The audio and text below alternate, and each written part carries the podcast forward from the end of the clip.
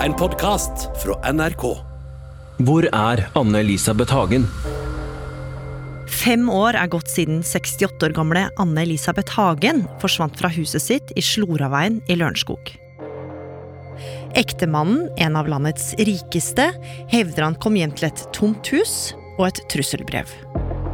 Da Tom Hagen kom hjem fra jobb 31.10, skal kona ha vært forsvunnet.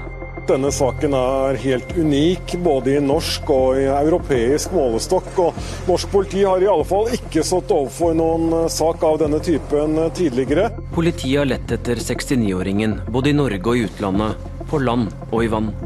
En massiv etterforskning for å finne svar på hva som har skjedd. Siden har saken vokst seg til å bli et av de største krimmysteriene i norgeshistorien. Har du gjort det? Nei, det har jeg ikke. Har du hatt noen rolle i forsvinningen? Nei, det har jeg ikke hatt. Hvor står egentlig saken i dag? Og vil politiet noen gang få svar på hva som egentlig skjedde? Du hører på Oppdatert. Jeg heter Gry Baby.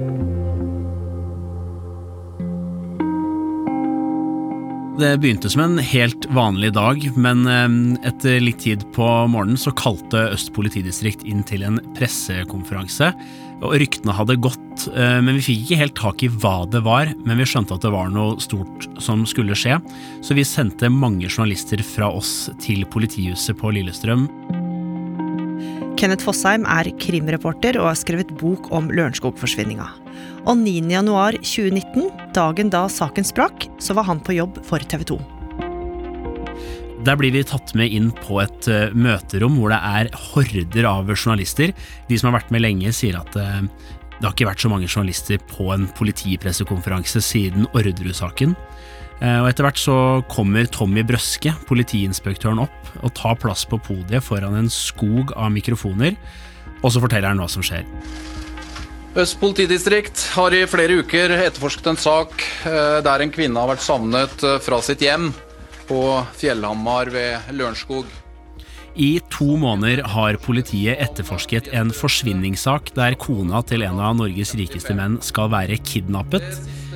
Brøske forteller også at det har kommet trusler og krav om løsepenger. Løsepenger i form av kryptovaluta. Alvorlige trusler i form av hva som vil skje med den bortførte hvis kravene som er fremsatt, ikke innfris. Slik saken står nå, har politiet rådet familien til ikke å innfri kravet. Politiet mener at én eller flere gjerningspersoner har gått inn i eneboligen på Lørenskog og rett og slett kidnappet Anne-Elisabeth Hagen. Hun er da gift med Tom Hagen, som er god for flere milliarder kroner. Og i likhet med resten av Presse-Norge begynner dere i TV 2 nå med å prøve å finne ut av hva som skal ha skjedd i huset til ektefellene på Lørenskog på forsvinningsdagen, som altså er 31. oktober 2018. Ja, det som skjer er jo at vi starter med våre egne undersøkelser, og det det innebærer er at vi snakker med alle som potensielt kan vite noe om saken, og så forsøker vi å finne ut hvilken informasjon politiet sitter på. Det vi finner ut, er at det har vært en helt vanlig morgen. Kvelden før har de vært på teater, så står de opp den 31. oktober. De drikker kaffe, de snakker sammen, og så reiser Tom Hagen på jobb. Han jobber på Futurum, et sånn næringsbygg bare noen kilometer unna. Og den morgenen så har Tom Hagen avtalt å ringe til kona si for å avklare noen detaljer rundt en hyttetur.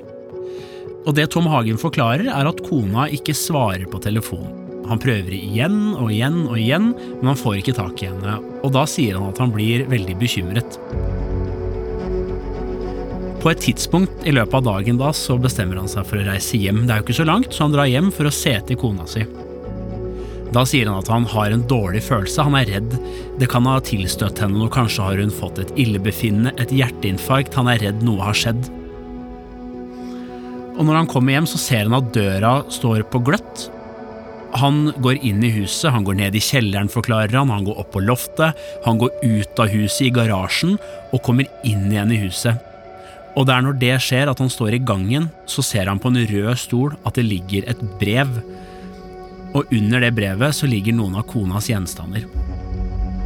Han åpner brevet, som er skrevet på gebrokken norsk, der han får beskjed om at noen har bortført kona hans, og for at hun skal komme hjem igjen, så må han betale 9 millioner euro i en kryptovaluta som heter Monero. Og så får han beskjed om å ikke kontakte politiet. Hvis han gjør det, så kommer gjerningspersonene til å drepe kona hans. Men Tom Hagen velger å trosse dette. Han ringer til politiet, som ber han møte opp på en bensinstasjon like i nærheten, og det markerer startskuddet for en av de største politietterforskningene vi har sett i Norge. Og etter møtet på bensinstasjonen på forsvinningsdagen, så begynte altså politiet å etterforske saken i det skjulte, fordi de frykta at de antatte kidnapperne skulle kunne gjøre noe mot Anne Elisabeth Hagen.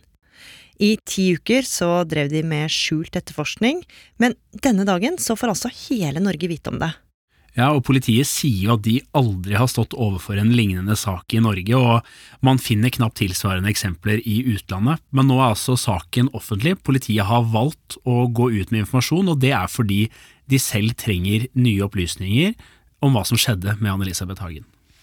Fordi politiet er selv helt åpne om at de ikke har noen mistenkte i saken. Hovedteorien er jo at denne kvinnen er bortført. Eh, det hele virker jo profesjonelt og innebærer iallfall en viss grad av planlegging. Eh, det er klart Verstefallsteorien er at det er utenlandske kriminelle som står bak. At denne kvinnen er bortført av et utenlandsk kriminelt nettverk. Da kan etterforskningen vise seg å bli svært vanskelig og ikke minst eh, tidkrevende. Noen timer etter politiets pressekonferanse 9.1 møter familiens bistandsadvokat pressen. Svein Holden forteller om en familie i sjokk. De har eh, i sine uttalelser beskrevet dette som en grusom og umenneskelig handling. Eh, for familien så er hovedmålet med dagen i dag å komme i bedre kontakt med motparten å få et eh, bevis for at eh, Anne-Elisabeth lever og har det bra i dag, slik at man kan komme i en prosess for å få henne trygt tilbake. Vi får også tidlig vite at det har vært kontakt med motparten. Og Det som er litt spesielt, er at selv om politiet ikke har noen mistenkte, så kan man ved å følge instruksjoner i trusselbrevet ta kontakt med den ukjente motparten. Og det har altså politiet, skråstrek Tom Hagen og familien gjort. Det har eh, vært en svært begrenset eh, kontakt med motpart. Gjerningspersonen har valgt en eh, digital kommunikasjonsplattform som i svært liten grad muliggjør kommunikasjon. Vi interesserer oss jo også for hvem Tom Hagen er. Selv om han er god for over to milliarder kroner, så fremstår han veldig privat og mediesky. Han gir svært få intervjuer, men det vi finner ut er jo at han har satset på eiendom og på strøm, eh, og som følge av det så har han jo kommet opp på lista blant Norges 400 rikeste personer. I tida etter forsvinninga jobber både politiet og journalister på spreng. Men mens politiet tidligere jobba i skjul, kan man nå se dem gjøre store søk rundt ekteparets eiendom. Etter å ha jobbet i det skjulte i ti uker, var politiet i dag svært synlige. Alle biler inn til arbeidsplassen til den savnede kvinnens ektemann, Tom Hagen, ble stoppet. Huset til ekteparet er blitt endevendt av spesialister på jakt etter overvåkingsutstyr ukjente bakmenn kan ha plassert der. Det ble også gjort søk med kriminalsøkshund, som bl.a. er trent til å finne blod og lik. Anne Elisabeth Hagen er også blitt etterlyst gjennom Interpol, og også FBI blir kobla inn i forsvinningssaken. For oss fremstår det som at de står på bar bakke. Etter hvert får vi også vite mer om hva slags kontakt det var mellom Hagen og motparten i ukene hvor alt dette skjedde i hemmelighet. Eh, vi vet blant annet at eh, motparten flere ganger sendte beskjeden som betyr dårlig tid fort eller hun vil dø. Vi vet også at Hagen har sendt 'Jeg har problem, trenger mer tid', hvorpå motparten flere ganger sendte beskjeden 'dårlig tid, fort eller hun vil dø'. Så det viser seg jo at det har vært en del dialog uten at det har blitt betalt noen løsepenger. Det går jo lang tid, uker blir til måneder, og vi skjønner jo fra de vi snakker med, om at det oppstår en frustrasjon i politiet. De lurer på hvorfor viser motparten ikke noe livstegn fra Anne-Elisabeth Hagen når de nå har kidnappet kona til en av Norges rikeste menn. Hvorfor gjør de ikke mer for å få penger for henne? Og det er et spørsmål vi som jobber med saken også stiller oss. Etter måneder med intensiv etterforskning kaller politiet inn til en ny pressekonferanse som skal snu hele saken på hodet. Om eh, få dager er det åtte måneder siden Anne-Elisabeth Hagen ble meldt savnet fra sitt eh, hjem på Fjellhamar i Lørenskog. På de åtte månedene har politiet ikke fått noe bevis på at Hagen er i live. De antatte gjerningspersonene har vist liten vilje til å kommunisere med politiet, og heller ikke vist særlig interesse for å innkassere løsepenger. Hovedhypotesen er derfor endret til at Anne-Elisabeth Hagen er drept. Nå mener de at Anne-Elisabeth Hagen ble utsatt for et nøye planlagt drap, og at alt dette opplegget med kryptovaluta bare var laget for å villede. Og med det så endrer hele etterforskninga seg fra å være en kidnappingssak til å bli en drapssak. Men like etter at politiet har lansert den nye hovedteorien, så sier Tom Hagen at han har fått en e-post med et spesielt innhold. Ja, den e-posten går til Tom Hagen, som blir tiltalt med navn, og han får forklart at det vil være en stor tabbe av han dersom han ikke følger instruksjonene som var i trusselbrevet om å betale 90 millioner kroner til motparten. Det velger han ikke å gjøre nå, men han betaler 10 millioner kroner i håp om å få et livstegn fra kona si. Så Tom Hagen velger altså å betale en stor sum penger, altså 10 millioner kroner, til dem familien mener har kidnappa Anne-Elisabeth Hagen. Og med det prøver de å forhandle med motparten, for de mener jo fortsatt at Anne-Elisabeth Hagen er bortført av ukjente folk. Mens politiet på sin side de står på sitt og jobber for fullt i jakta på én eller flere drapsmenn. Politiet bryr seg ikke så mye om eh, disse e-postene og sånn som Tom Hagen får. De eh, kjører sitt løp, og de har eh, nye pressekonferanser hvor de viser fram en sko og et skoavtrykk som er funnet i gangen i huset. De etterforsker strips som de mener kan ha vært brukt i, til å binde fast Anne-Elisabeth Hagen. De etterforsker brevpapiret som dette trusselbrevet er skrevet på, og de finner jo ut at alle disse gjenstandene er kjøpt på butikker som ligger i umiddelbar nærhet til huset til eh, familien Hagen. Og så sier de noe oppsiktsvekkende. Politiet går ut og sier at de tror de kommer til å løse saken i løpet av 2019. Og da lurer jo vi på hva er det politiet nå sitter på som gjør at de er så sikre? Allikevel skal det fortsatt gå tid. 2019 går over i 2020, men selv om politiet ikke har løst saken, så blir det tydelig at noe er på gang. Ja, for det de færreste vet er at politiet over lang tid har drevet en storstilt og skjult etterforskning mot en helt spesiell person. Og i slutten av april, altså ett og et halvt år etter at Anne-Elisabeth Hagen forsvant, går de til pågripelse. Øst politidistrikt har i dag pågrepet Tom Hagen, sikta for drap eller medvirkning til drap på sin kone Anne Elisabeth Hagen. Politiet er nå av den oppfatning at det ikke har skjedd en bortføring. Og at det derfor heller aldri har vært en reell forhandlingsmotpart eller en intensjon om reelle forhandlinger. Politiet mener med andre ord at saken bærer preg av en tydelig, planlagt villedning. Ryktene om en pågripelse har jo gått over tid, men eh, nå forstår jeg jo at eh, det er et stort gjennombrudd i saken. Utover dagen får vi jo vite hvordan politiet har gått til verks.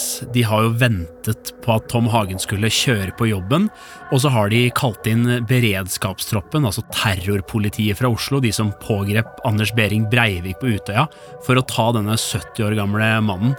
De stopper ham på en lang slette mens han kjører bilen sin, kaster seg inn i bilen hans, river han ut, setter på han håndjern og kjører han til en glattcelle på politihuset på Lillestrøm. Vi tenker jo at når politiet har holdt på med alt de har av ressurser i ett og et halvt år, og først går til pågripelse, så må de ha en sikker sak. Vår jobb da er jo å finne ut hva er det politiet sitter på, hvilke beviser er det de mener å ha for at Tom Hagen har drept kona si. Vi forstår tidlig at de har få tekniske beviser, altså ting som knytter han til drapet, men politiet mener at han har et sterkt motiv. De mener annet at ekteskapet skrantet, og at hun ønsket å skille seg, noe han ikke ønsket. Eh, videre så mener de at eh, Tom Hagen var redd for å tape mange penger ved en eventuell skilsmisse. Og så mener også politiet at han fryktet å tape ansikt dersom kona gikk fra han. Og disse bevisene tar politiet med seg til retten når de prøver å få han varetektsfengsla, men det går ikke. Politiet går på et stort prestisjenederlag fordi retten mener at bevisene ikke holder. Tom Hagen blir derfor løslatt. Oslo fengsel nå i ettermiddag. Advokat Svein Holden har akkurat fått beskjed om at drapssiktede Tom Hagen løslates fra varetekt. Politiet var ganske sikre i sin sak. De mente at de hadde et sterkt nok bevisbilde. Og Det er spørsmålet om de har lagt alt på bordet da de gikk til retten, eller om de har tilbakeholdt noe nå. Politiet vil ikke stille til intervju om kjennelsen fra Høyesterett, men sier i en pressemelding at etterforskningen fortsetter og siktelsen mot Tom Hagen opprettholdes. Og nå brenner det under beina til politiet, som blir nødt til å jobbe raskere enn det de egentlig hadde tenkt. De velger å pågripe en mann i 30-årene som de har fulgt med på over tid, og grunnen til at de tar han nå, er fordi at de frykter at han og Tom Hagen, som er på vei ut av fengsel, skal snakke sammen. Det er jo en eh, mann da som ifølge politiet har IT-kompetanse og kryptovalutakompetanse, sier de. Og det interessante er at de sier at han kan linkes til Tom Hagen. Og så vet vi at han har vært aktiv i debattforum på internett, diskutert kidnapping og, og kryptovaluta. Men han nekter jo all skyld. Eh, forsvarerne hans kaller siktelsen absurd, eh, så mye tyder kanskje på at denne mannen også vil bli sluppet i løpet av dagen i dag, eller iallfall i løpet av helgen. Vi velger å kalle han for Kryptomannen, og ifølge politiet har han og Tom Hagen hatt flere møter i tiden før forsvinningen. Kryptomannen er som navnet sier, interessert i kryptovaluta, og de møtene med Hagen skal ha handlet om ulike måter å investere i kryptovaluta. Det syns politiet er spesielt, for i avhør har Tom Hagen selv beskrevet seg selv som teknologisk tilbakestående, et eksempel på det er at han ikke bruker smarttelefon, men at han forholder seg til en gammel Nokia. I avhøret av Kryptomannen kommer det fram at Tom Hagen og Kryptomannen har snakka sammen om Monero, som altså er den sjeldne kryptovalutaen som nevnes i trusselbrevet. Nå står politiet med to sikta personer. Begge nekter for å ha noe med saken å gjøre, men hva slags roller mener politiet de skal ha hatt, Kenneth? Ja, slik vi skjønner det, så mener politiet at kryptomannen har hjulpet Hagen med kryptoopplegget i trusselbrevet. Samtidig så vet vi at de argumenterer overfor retten med at Tom Hagen har hatt en rolle som bestiller av drapet, og de mener at han har vært med på å vaske og rydde og rigge åstedet i huset. Men han nekter enhver befatning med dette. Så nå har saken steilere fronter enn noen gang. Politiet mener fortsatt Tom Hagen står bak planlegginga av drapet på kona, og de mener at huset på Lørenskog er åstedet. Og på dagen to år etter at Anne-Elisabeth Hagen forsvant, stiller den ellers så mediesky finansmannen opp i et stort TV-intervju. Det har vært eh, to vanskelige år. Tomhet er jo et fælt ord, som vi ikke skjønner før den er der, tror jeg. Hva er det vanskeligste med det her, da? Det vanskeligste er vel ja. Nei, hun er bare ikke her. Skulle vært her. Har du gjort det? Nei, det har jeg ikke. Har du hatt noen rolle i forsvinningen? Nei, det har jeg ikke hatt. Hvordan opplever du da å være sikta for det? Det er vondt. Eh, og jeg trodde helt fram til april måned så hadde vi et godt forhold til politiet. Trodde jeg. Så det som kom i april, det var jo et, det var et sjokk voldsomt sjokk. Det var jo spektakulært å se og høre intervjuet med Tom Hagen. Og så tenker vi jo også at eh, han har et behov for å gå ut i offentligheten og forsvare seg etter å ha blitt utsatt for all pressedekningen, eh, lekkasjer og alle anklagene som er retta mot han. Og etter det her så står saken ganske stille, iallfall utad, i månedsvis. Politiet etterforsker, og familien venter på svar. Men så, i slutten av september 2022, får dere, Kenneth, tips om at noe skal skje. For selv om politiet mener at kryptoopplegget bare er et blindspor, at det aldri var en kidnapping, at det skulle betales ut penger i kryptovaluta, så mener politiet at svaret på denne gåten kan ligge i kryptovaluta. Dette er litt komplisert, men når man overfører penger fra et sted til et annet, så er det jo noen som mottar disse pengene. Og hvis politiet klarer å finne ut hvem er det som sitter i andre enden og mottar pengene, så vil de kanskje få svaret på hvem som står bak hele forsvinningssaken. Og det som skjer, er jo at politiet bruker veldig mye ressurser på å etterforske kryptovalutasporet i saken, og mens de gjør det, så kommer de over en ny mann i 30-årene som de mener å ha beviset for at har vært med på å lage kryptoopplegget i Lørenskog-saken. De mener altså ikke at han har vært med på å ta livet av Elisabeth Hagen, men at han har vært med på opptakten til drapet. Også han nekter straffskyld for dette. Er dette et uh, gjennombrudd i saken? Det er for tidlig å si. Politiet har jo ikke gått ut eh, i offentligheten og fortalt om denne siktelsen. Men hvis man har en eh, mistanke mot en person, så vil en siktelse føre til at politiet kan få litt flere muligheter til å etterforske saken. Det kan bli lettere å ransake hus, sjekke PC, sjekke mobil, og kanskje også gjøre skjulte etterforskningsskritt som telefonavlytting og sånn. Og Kenneth, det er på mange måter der saken står i dag. Hva er status nå, fem år etter at Anne-Elisabeth Hagen forsvant? Status er at Tom Hagen fortsatt er sikta i saken. Det er også de to andre mennene i 30-årene. Det er per dags dato den høyest prioriterte saken i Norges nest største politidistrikt. Det finnes politifolk som ikke har gjort noe annet på jobben enn å etterforske Lørenskog-saken siden 31. oktober i 2018. Og så er det jo mange spørsmål om hva som eh, skjedde. Noe i hvert fall vi tenker mye på, er jo hva var det som gikk tapt i de ti ukene hvor politiet holdt alt skjult? Det er klart at når du oppsøker vitner ti uker etter at noe har skjedd, så er det ikke sikkert at de husker. For tenk deg selv da, når du dro på jobb i dag, og så gikk du ut av nabolaget ditt, kan du huske om du så en eh, litt mistenkelig bil, eller en person som hadde på seg en litt rar hette?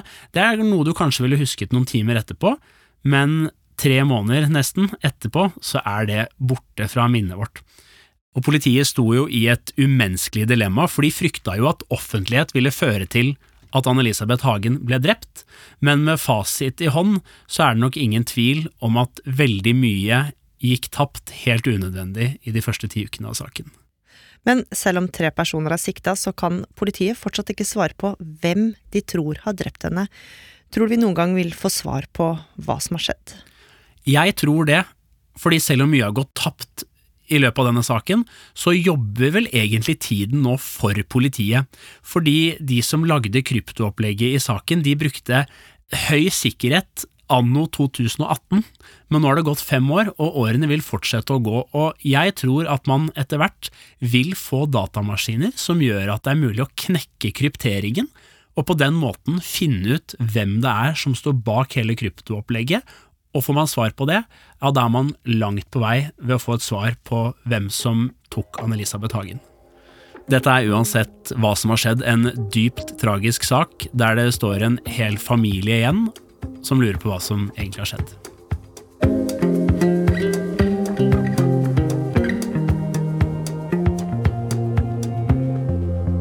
Oppdatert er en podkast fra NRK Nyheter, og denne episoden den er laga av oss. Produsent Hanna Kolås. Teknikk og lyddesign Andreas Berge. Vaktsjef Irina Kjelle. Og jeg heter Gry Veiby. Programredaktør er Knut Magnus Berge. Klippene du har hørt, er fra NRK. Har du tips eller innspill til oss i Oppdatert, så kan du kontakte oss direkte i NRK-appen eller sende en e-post. Adressen er oppdatert krøllalfa nrk.no. Hallo, hallo, du, før du går videre med livet ditt, ut av denne podkasten din igjen, igjen. Eller før du tar av deg headsetet, Ja. eller eh, velger noe annet eventuelt. Dette er Olive, jeg heter Ronny, og vi har lyst til å invitere deg på juleselskap hver dag i desember i vår podkast som heter Julestemning! Jeg må si, det er en avtale Ja. det er vanskelig å si nei til. For du og jeg, vi møtes hver dag for å prøve å finne julestemning. Ikke Mm. bare vi, men sammen skal vi finne julestemning. Mm. Og vi, vi kan ikke garantere at den kommer og blir, men at du får sånne små blaff av julekos og julestemning her hos oss, det, det har vi prøvd i to år nå, vi er på tredje året. Det, det funker altså! Så hvis du vil, så er nå vi, vi bare ligger borti den NRK radioappen tilgjengelig hver dag fra 1. til 24. desember. Bli med hvis du har lyst. Inn i julekottet sammen med oss. Det blir ikke ujulete, i hvert fall. Julestemning med Live og Ronny. Hør alle episodene kun i appen NRK Radio.